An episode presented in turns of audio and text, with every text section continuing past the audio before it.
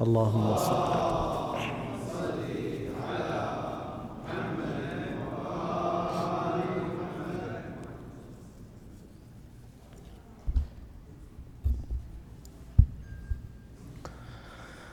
بسم الله الرحمن الرحيم. صلى الله عليك يا سيدي يا رسول الله.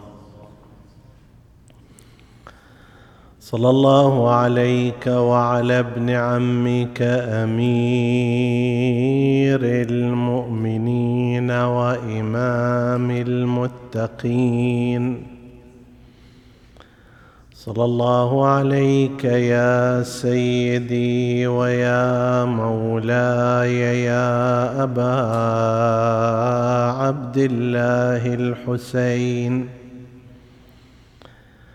ما خاب من تمسك بكم وأمن من لجأ إليكم.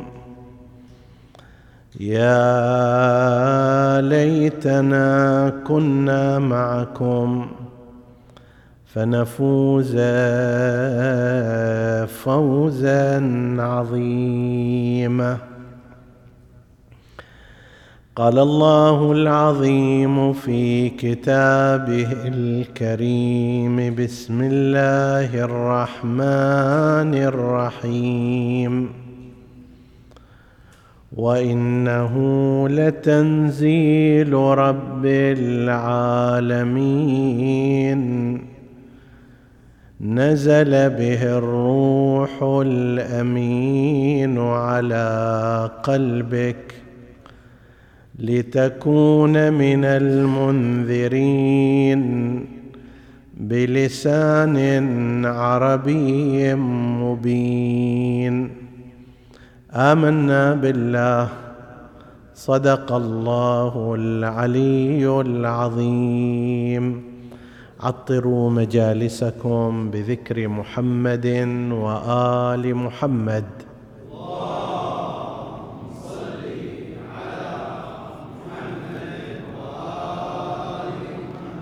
اللهم صل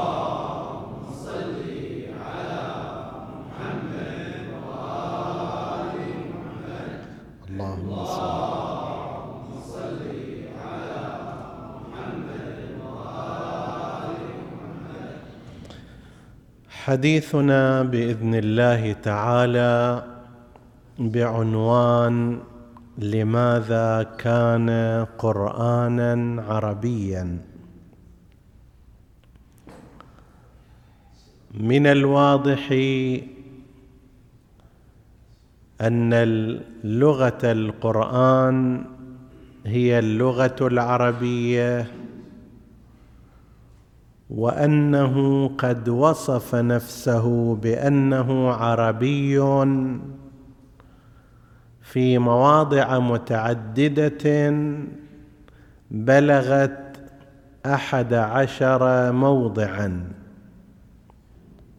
قرانا عربيا بلسان عربي مبين وأمثال ذلك في أحد عشر موضعا ذكر القرآن وصفه بأنه عربي وأنه بلسان عربي.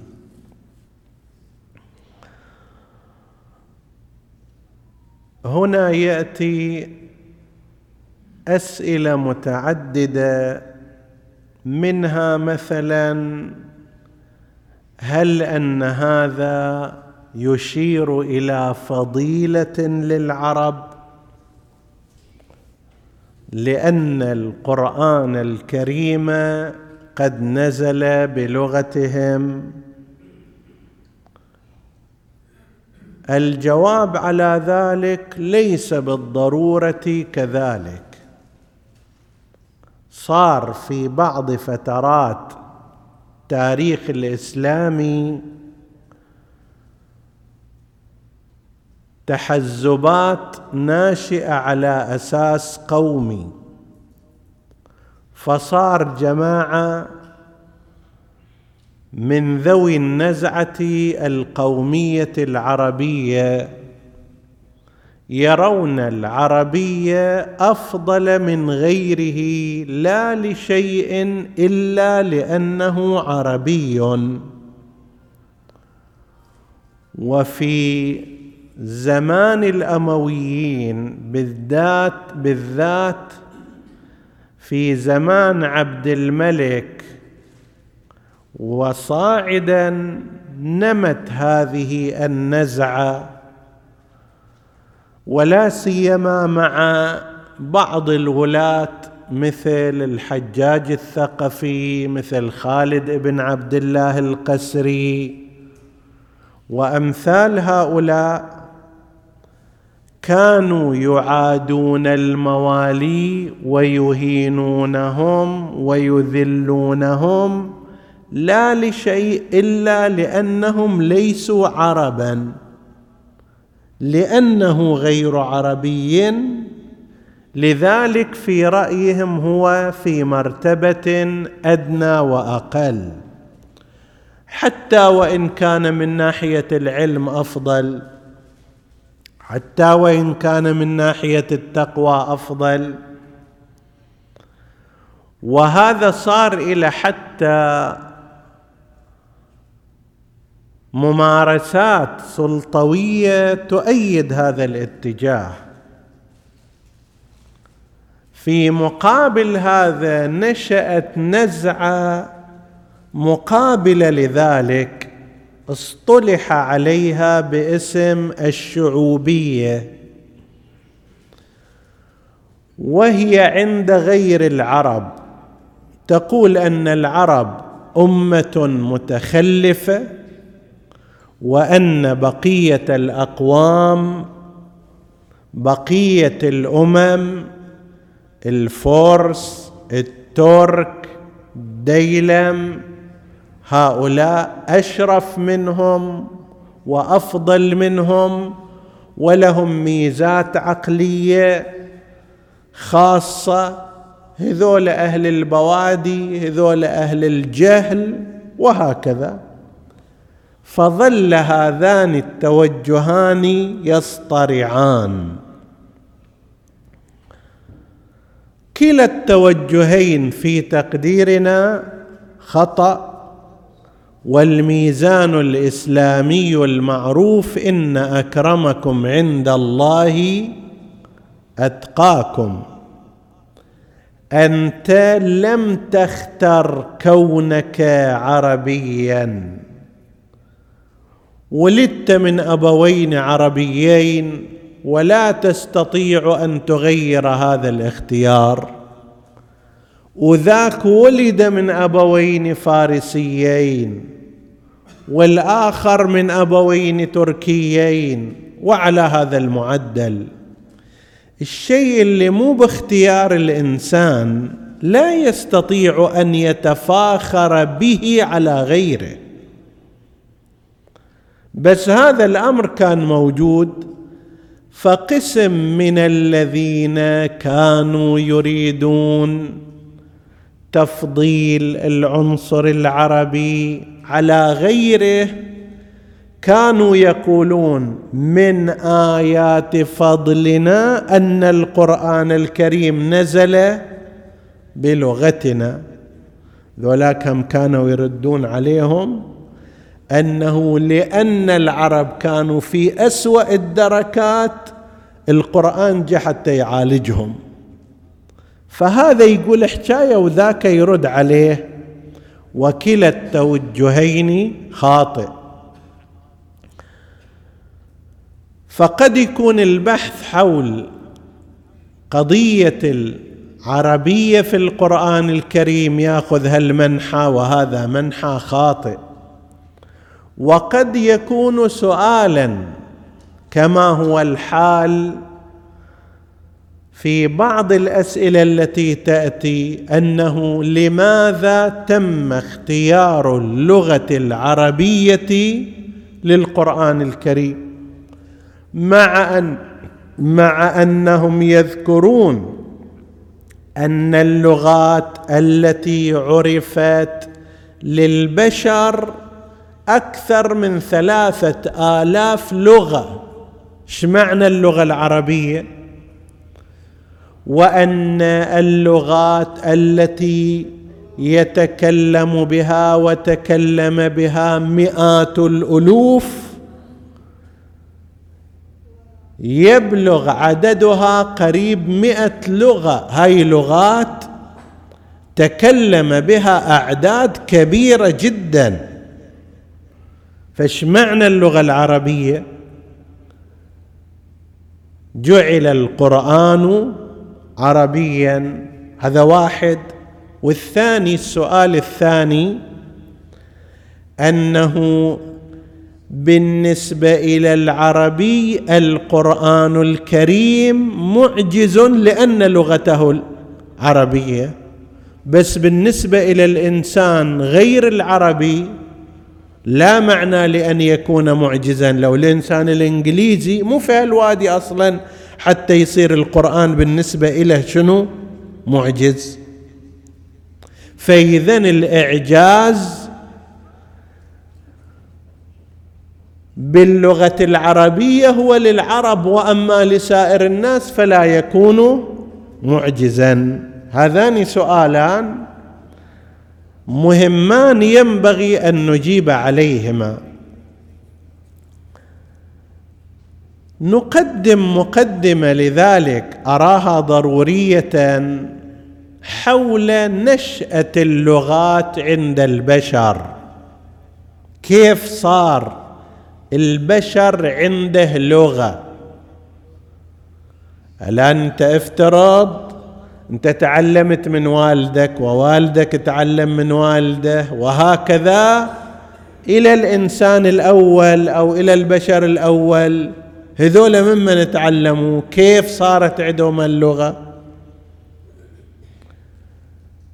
هناك نظريات متعددة في هذا الجانب حول نشأة اللغات عند البشر كيف تكونت.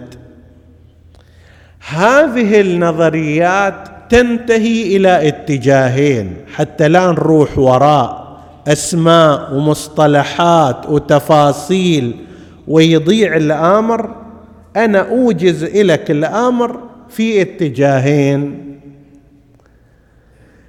الاتجاه الأول يقول إن نشوء اللغات عند البشر منشأه ديني من الله عز وجل. الله سبحانه وتعالى عندما خلق هذا الإنسان زوده بآلات ووسائل للتواصل اللغوي مع بني جنسه. أعطاه سمع وأعطاه بصر وأعطاه لسان وقدرة على البيان وأعطاه عقل يتعقل به الأشياء. تحفظ به الأمور يستنتج. هذه الأمور اللي أعطاها إياه هي بمثابة أدوات وآلات للتواصل اللغوي. بعدين عندما أرسل الأنبياء كما أعطى للأنبياء برنامجا للحياة السعيدة في هذه الدنيا ويوصل إلى رضوان الله في الآخرة أوجد للبشر من خلال الأنبياء طريقه للتخاطب اللي هي اللغة. علم الأنبياء اللغة والأنبياء علموا أقوامهم ويستفيدون مثلا في اليهودية من بعض العبارات التي تقص قصة آدم واللي أيضا موجودة عندنا في القرآن وعلم آدم الأسماء كلها ثم عرضهم على الملائكة فقال أنبئوني بأسماء هؤلاء. شبيه بهذا موجود في التوراة فيقول لك المعلم للأسماء هو الله سبحانه وتعالى وبداية معرفة الأسماء هي بداية اللغة. أنت الآن إذا طفل عندك توه مولود يبدأ ينطق تعلمه الاسماء تقول له بابا فيحفظ ماما يحفظ تأشر اله على الباب تقول باب وعلى الكاس تقول كاس. فهذا بالتدريج يلتقط هذه الأسماء ثم يستخدمها تدريجيا ويتعلم اللغة. نفس الكلام يقول لك في ذلك الزمان الله سبحانه وتعالى علم آدم الأسماء آدم علم البشر علم أبناءه وانتشرت اللغة من خلال ذلك. هذا طبعا بناء على تفسير علم آدم الأسماء بقضية اللغة والكلمات والألفاظ. وإلا هناك تفاسير أخرى وتأويلات منها ما يرتبط بالعقائد مثلا عندنا في تفسير الإمامية أو تأويلهم أنه ثم عرضهم على الملائكة علم آدم أسماء آل محمد.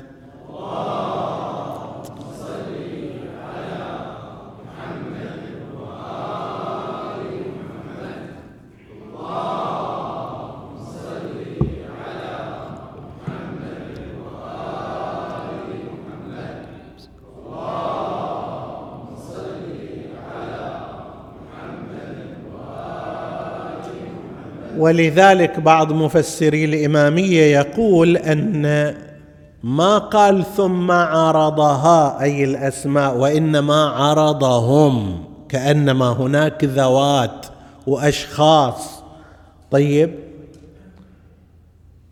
بناء على تفسير آخر أنه الأسماء يعني الألفاظ الكلمات الإشارات إلى الأشياء وهي بداية اللغة ثم بدأت هذه اللغة تتوسع.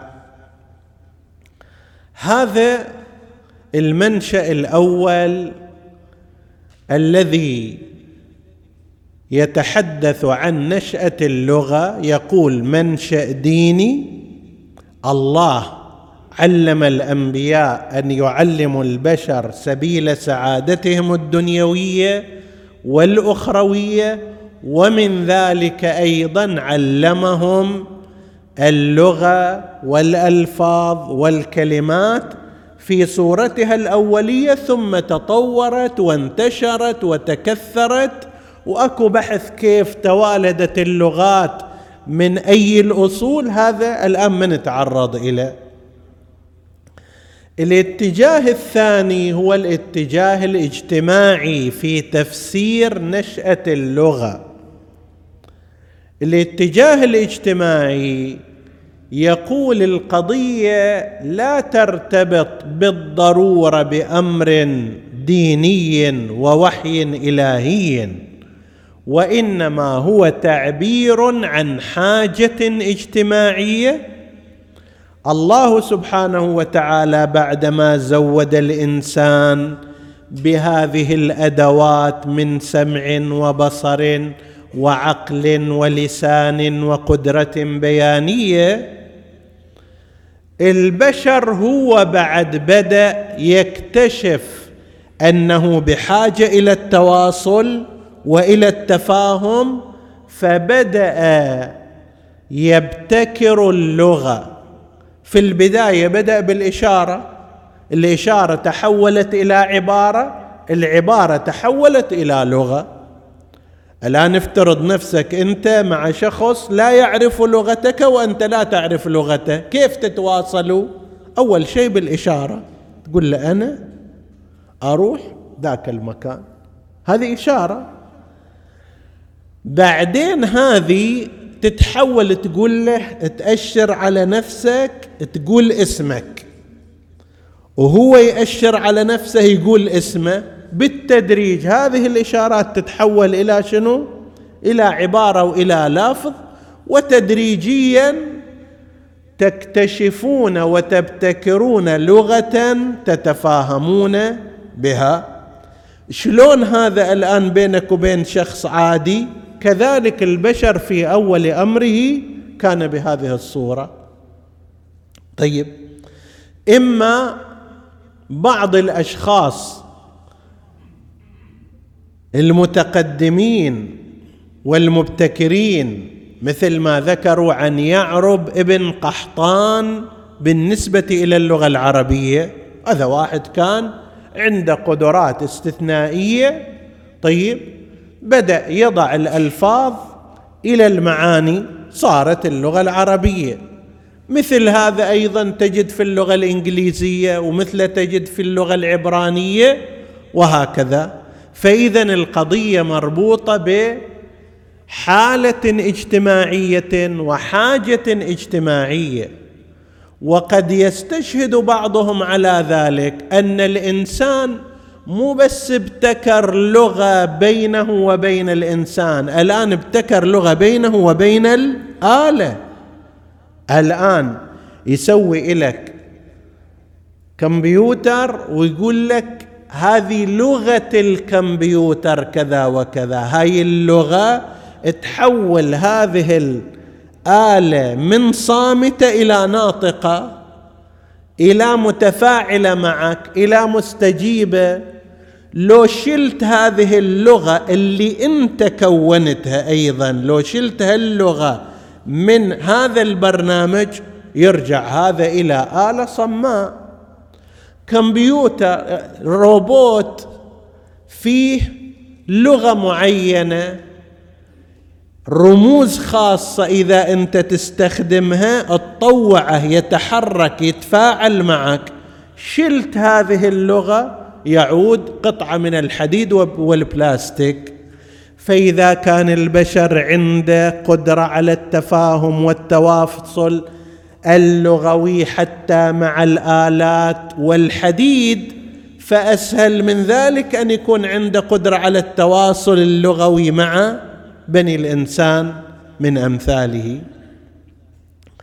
وهذه النظرية الثانية هي الأكثر قبول عند الناس ولذلك عندنا في البحوث الأصولية العالية لعلمائنا الكبار في أول مبحث الأصول مبحث الوضع وضع الألفاظ للكلمات الوضع الألفاظ للمعاني كيف هذا يدل على ذاك عبر أي شيء هل هو تعهد من الواضع أنه أنا إذا جبت صيغة افعل يعني هذا أنا امرك به إذا جبت كلمة واجب مثلا مقصودي كذا وكذا ما هو الارتباط بين هذه الكلمة وبين ذلك المعنى؟ هل هو ارتباط حقيقي كما ذهب إليه بعض علماء اللغة القدامى مثل ابن جني الموصلي أستاذ الشريف الرضي رحمه الله. هذا الرجل كان يعتقد أن هناك ارتباط حقيقي بين الكلمة وبين المعنى ما نروح وراء هذا الموضوع المهم مسالك مختلفة. فاذا هذان منشآن في نشأة اللغة اتجاه ديني وحي إلهي واتجاه اجتماعي. يقول أن البشر بأنفسهم اكتشفوا وابتكروا وطوروا الكلمات في كل منطقة وصارت هذه اللغات. وإن كان بعضهم يقول أيضا أن أصولها واحدة ثم بدأت تتفرق وتتميز. المهم اللغة العربية واحدة من اللغات القديمة التي انتشرت في الجزيرة العربية بالذات بعد نبي الله إسماعيل على نبينا وآله وعليه أفضل الصلاة والسلام. الله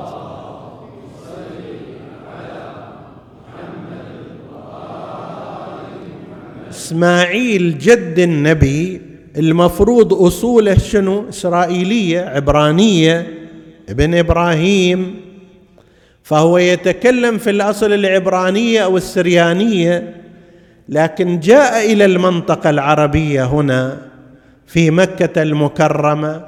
هذه المنطقة كانت تتكلم اللغة العربية قبله ففتق لسانه بالعربية. هالمنطقه هذه تطورت فيها اللغة العربية؟ استوطن الناس لما صارت أيضا البيت الكعبة والبيت الحرام. استقر الناس مع أن الوادي غير ذي زرع والاستقرار ينتج العلم والثقافة والحضارة ويطور اللغة وهذا الذي حصل. ما صار وقت بعثة النبي صلى الله عليه وآله إلا واللغة العربية وصلت إلى درجات متقدمة من السعة ومن الإتقان. نزل القرآن الكريم في هذه المنطقة باللسان العربي. ليش؟ اولا بشكل طبيعي حسب ما قال واحد يقول خب لو نزل هم باللغة الإنجليزية هم كان يقال ليش نزل بالإنجليزية. إذا بالفارسي هم كان يقال ليش نزل بالفارسي وما يصير هم ينزل ب 3000 لغة. لكن بالإضافة إلى ذلك الميزات التي يتحدث عنها في اللغة العربية ليست موجودة في سائر اللغات. اللغة العربية أغنى أثرى أقوى أوسع. خلي أجيب لك بعض الأمثلة على ذلك. اولا اللغة العربية تعتمد على الاشتقاق من الجذر اللفظي. لاحظوا القواميس في اللغة العربية يجيب لك الكلمة من ثلاثة حروف. يقول لك مثلا ضرب مثلا أصل يدل على احتكاك شيء بشيء. طاعان. ويبدأ يشوف اشتقاقاتها كلها. الاعتماد على الجذر اللفظي ولا سيما إذا كان صغير يعطي للغوي مساحة كبيرة في الاشتقاق.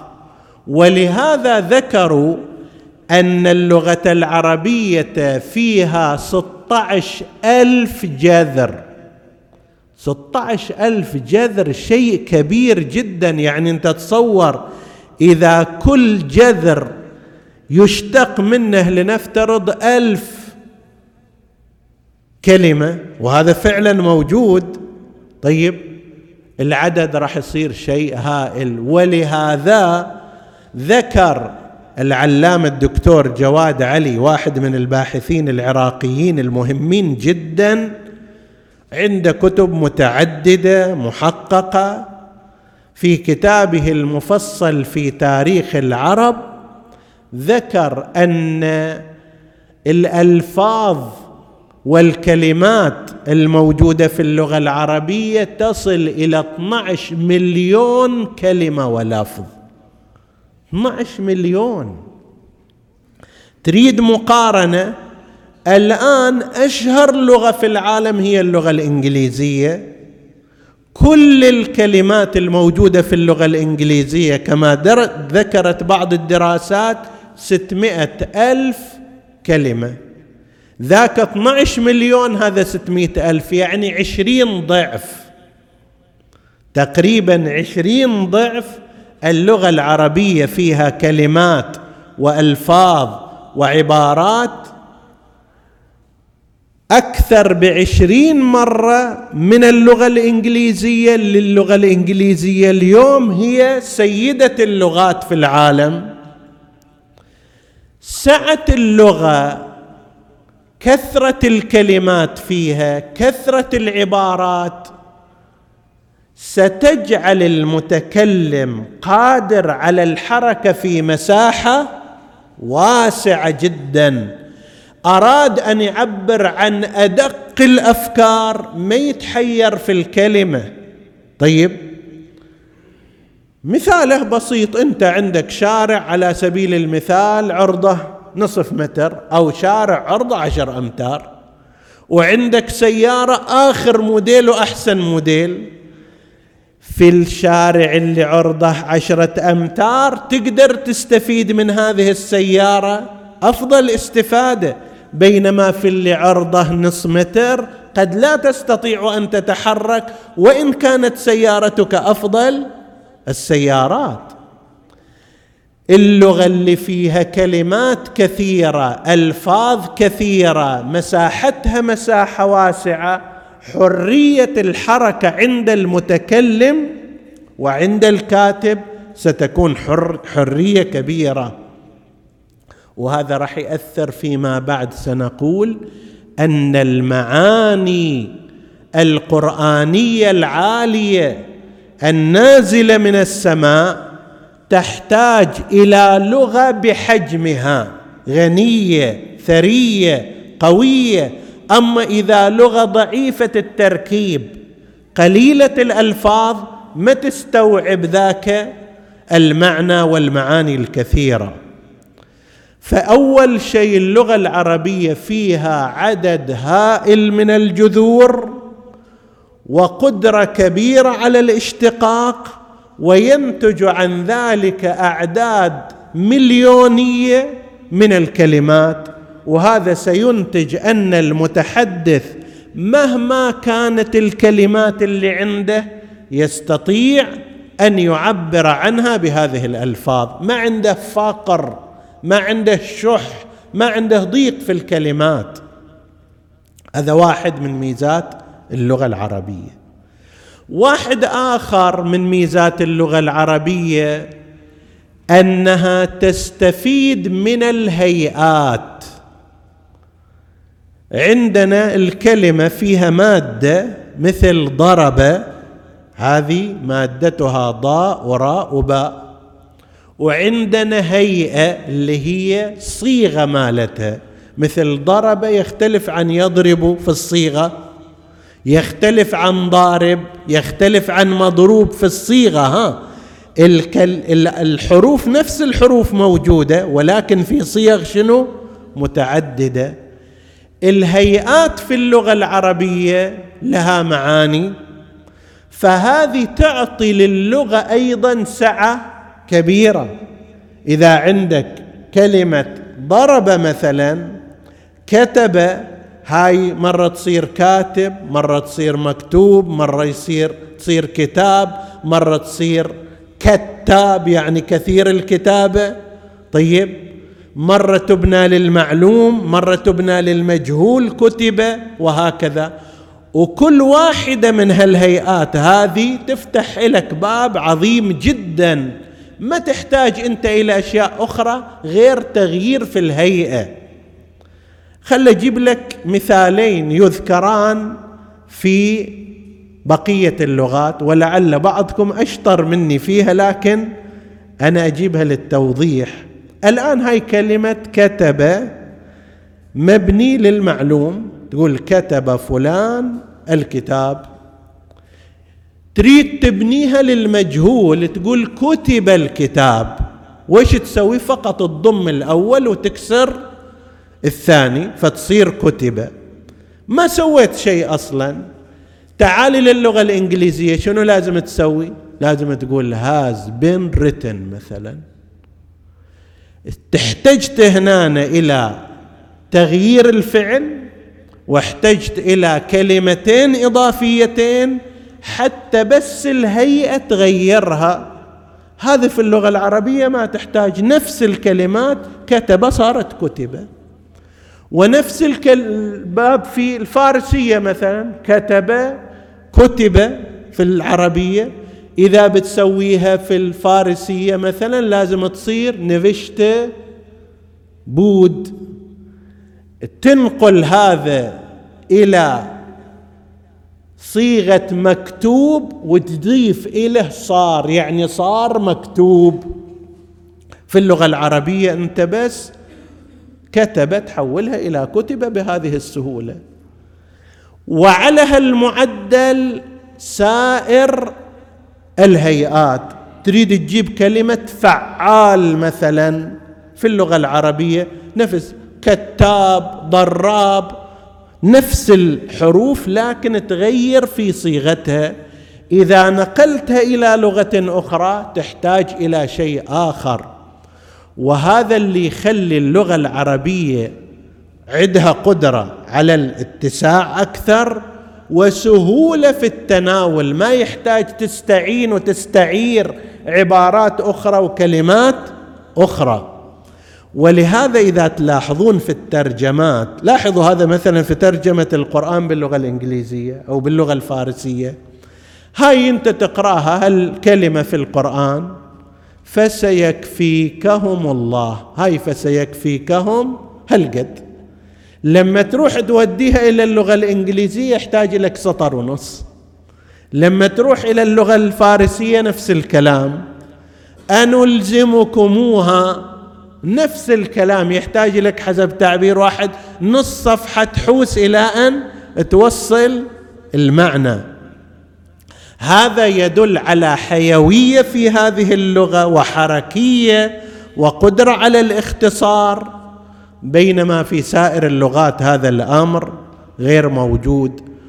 والكلام نفسه أيضا في قضايا الإعراب والحركات.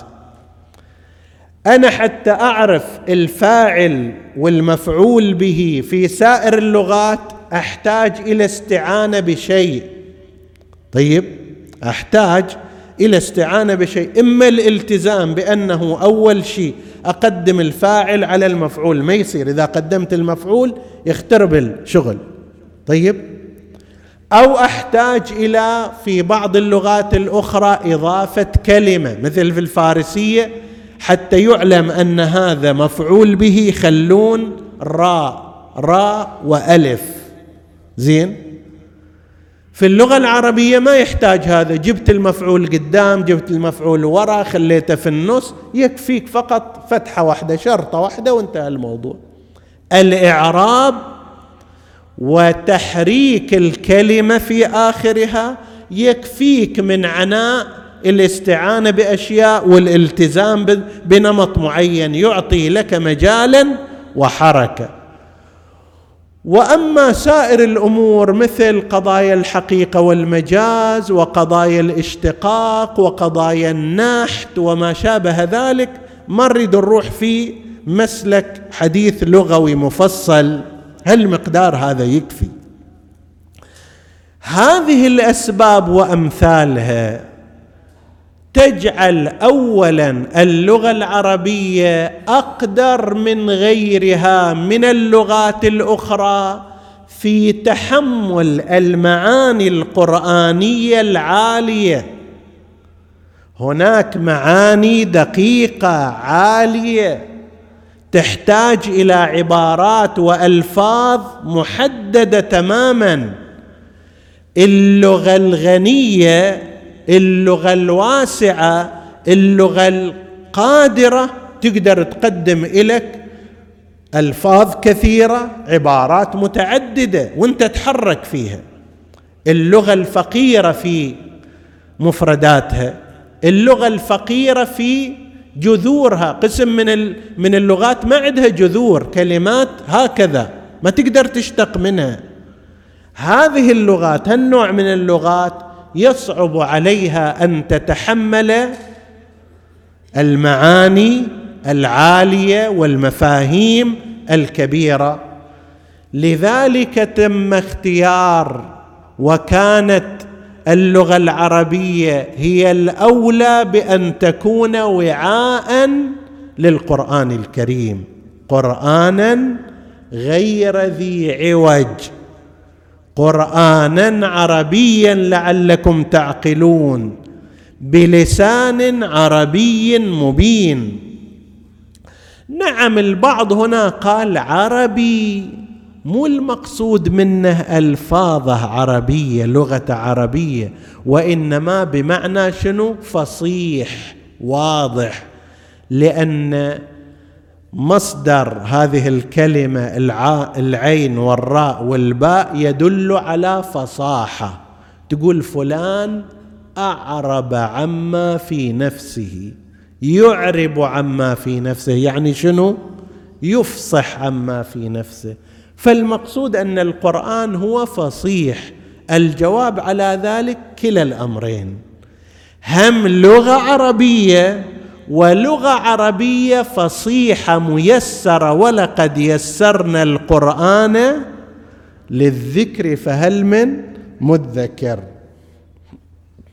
هذا جواب على السؤال الأول. السؤال الثاني إذا كانت جواب السؤال الثاني أنه هذا الإعجاز في القرآن الكريم إعجاز في اللغة العربية بالنسبة إلى الإنجليزي والفرنسي والأردي وغيره لا يكون اعجازا. الجواب على ذلك إذا كان أغنى اللغات أوسع اللغات أقوى اللغات تحدى القرآن الكريم فيها عتاتها وجبابرتها أن يأتوا بسورة من مثله. ومع ذلك لم يستطيعوا.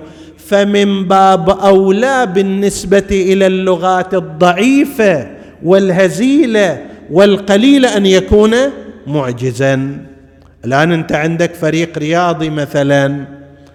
هذا تفوق على أقوى فريق في العالم. وكسر. طيب. زين هذا فريقك اللي تفوق على أقوى فريق في العالم وكسره. بعد بالنسبة إلى فرق الحواري شنو؟ شيء بسيط أسهل. الفرق الضعيفة تكون بسيط التغلب عليها. هذا الفريق الذي تجاوز أقوى فرق العالم بسهولة.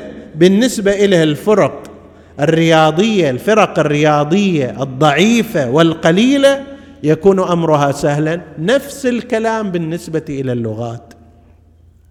اللغة العربية بما ذكرنا لها من ميزات هي أقوى اللغات وأوسعها وأغناها. جبابرة هذه اللغة بلغاؤها فصحاؤها لم يستطيعوا مجاراه القرآن حتى في سورة واحدة. فإذا كان هذا القرآن الكريم تغلب على أقوى اللغات وأقوى جبابرتها فبالنسبة إلى سائر اللغات سيكون الأمر سهلا. هذا بالإضافة إلى أن الإعجاز اللغوي والبياني هو جزء من إعجاز القرآن الكريم وإلا إلى مناحي الإعجاز متعدده إن شاء الله نتحدث عنها. في ليال قادمة. مع ذلك القرآن فاق هذه اللغة تجاوز كبارها فبالنسبة إلى سائر اللغات سيكون الأمر أسهل وأهون. القرآن الكريم إلى اليوم له فضل على اللغة العربية في أنه حفظها أمسكها وإلا أيضا محتمل كان اللغة العربية تندثر وتداعى. يتقادم بها الأمر ككثير من اللغات التي تراجعت وانتهت.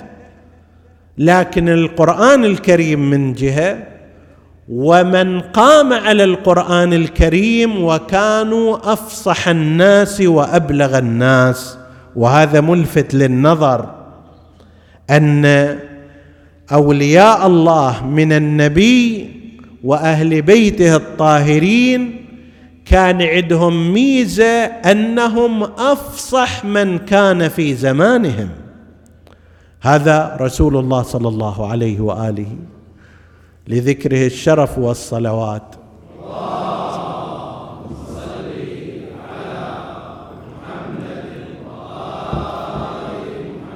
يقول أنا أفصح من نطق بالضاد.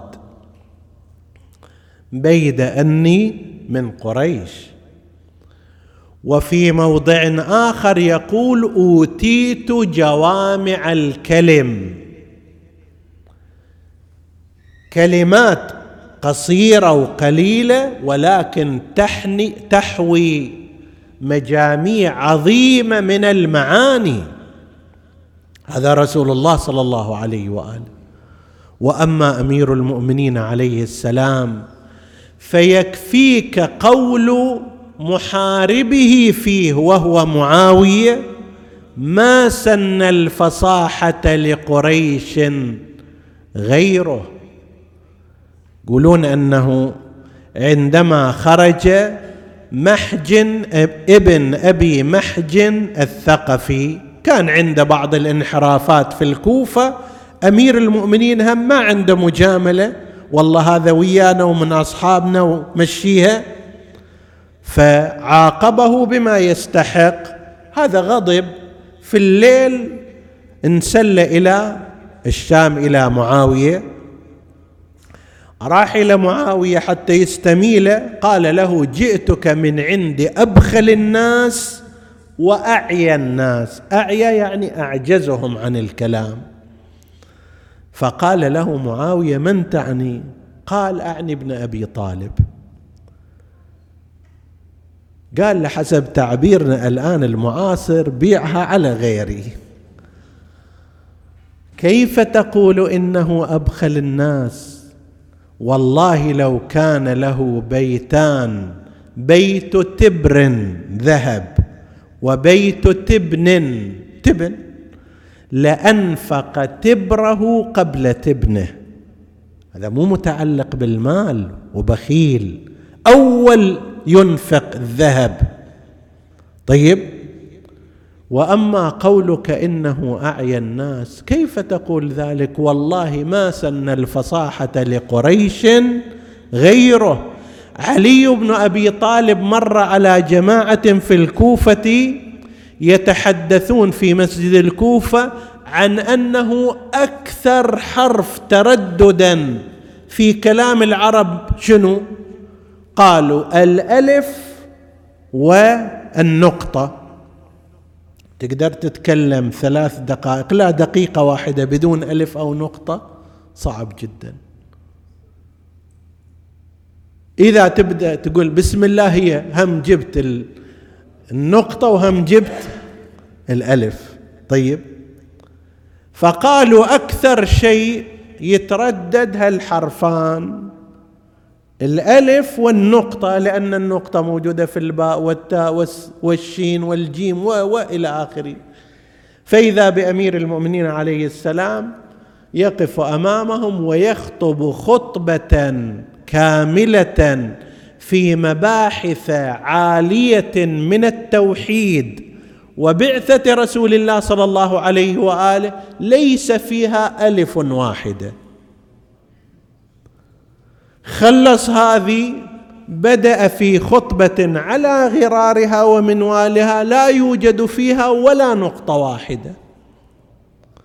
ومو أي كلام مو أي كلام مباحث دقيقة مرتبة في مسائل علمية من توحيد الله وبعثة النبي صلى الله عليه وآله. إذا واحد يقعد في البيت فترة من الزمان يحتاج إلى أن يعيد ويحك ويصحح ويغير وما يطلع منها. هذه فصاحة هذه بلاغة. ما سن الفصاحة لقريش غيره. لولا أيضا أن اللغة العربية فيها هذه المساحة ما كان يصير هذا. الإمام أمير المؤمنين عليه السلام ما جاب ألفاظ من القمر. وإنما هو من اللغة العربية. اللغة فيها هذه السعة وفيها هذه القدرة وفيها هذه الإمكانية وعلي عليه السلام أحاط بها. لو كان لغة أخرى هذه المساحة وهذه السعة ما تصير. لذلك القرآن الكريم يجي به هذه اللغة. علي عليه السلام هكذا من الفصاحة والبلاغة والحسين عليه السلام. لما بدأ يخطب الإمام الحسين عليه السلام في يوم عاشوراء في كربلاء صاح القائد الأموي ويحكم إنه ابن أبيه لو وقف عامة نهاره يتكلم لما عي أو أحصر. هذا ابن علي بن أبي طالب لو من الصبح إلى الليل يتكلم ما يتوقف كالسيل يتدفق. اقطعوا عليه حديثه وابدأوا المعركة. طيب فهؤلاء كانوا في غاية الفصاحة في غاية البلاغة في غاية الإحاطة باللغة. وزينب سلام الله عليها. هذه اللبؤه الهاشمية من ثمر من شجرة أبيها سلام الله عليها في فصاحتها وبلاغتها كأنها تزن كلماتها ميزان الذهب في موضع يطيش فيه عقل الحليم ويخرس فيه المتكلم عن البيان. لكن تقف ذاك الموقف أمام يزيد بن معاوية. امرأة في وسط رجال عادة يصعب عليها الحديث المنطلق والمتدفق لا سيما وهي خفرة من خفرات آل البيت. امرأة تجاوزت الخمسين من العمر. امرأة فقدت ابنها وإخوتها وأبناء إخوتها في معركة قبل شهر أو دون ذلك. لا تزال المصيبة ساخنة حارة. قطعت هذا المشوار والطريق حوالي 2400 كيلو متر كما ذكر بعضهم بمقاييس الآن وإن كان ربما في ذاك الوقت يطول أو يقصر العدد. تودعها بادية وتستقبلها صحراء من شامت إلى حاقد ومعها هذا النفر من اليتامى والأرامل والثاكلات والصغار والكبار وفوق ذلك جماعة من الحرس الاجلاف القساة الغلاظ كل هذه الظروف وهي الآن توقف وتشوف يزيد ابن معاوية يأخذ رأس الحسين ويضرب ثناياه بعود الخيزران. انطلقت بأبي وأمي. قالت ثم كان عاقبة الذين أساءوا السوء أن كذبوا بآيات الله وكانوا بها يستهزئون. أظننت يا يزيد حيث أخذت علينا أقطار الأرض وآفاق السماء فأصبحنا نساق. كما تساق الأسارى أن بنا على الله هوانا وبك عليه كرامة وأن ذلك لعظيم خطرك عنده فشمخت بأنفك ونظرت في عطفك جذلان مسرورا حين رأيت الدنيا لك متسقة والأمور مستوسقة فمهلا مهلا لا تطش جهلا. إلى أن تقول أمن العدل يا ابن الطلقاء تخديرك حرائرك وإماءك.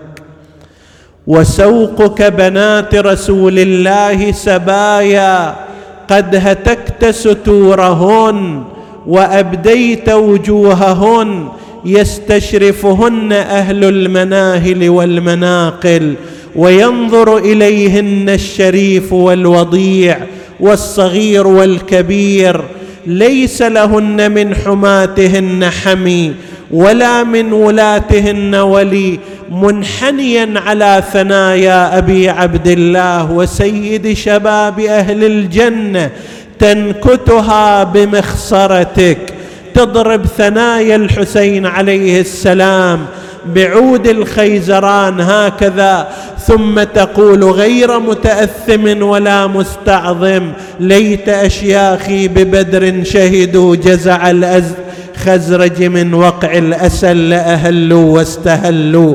فرحا ثم قالوا يا يزيد لا تشل وكيف لا تقول ذلك؟ وقد استأصلت الشأفة يعني انت اجتثيتنا من الجذور الحسين راح.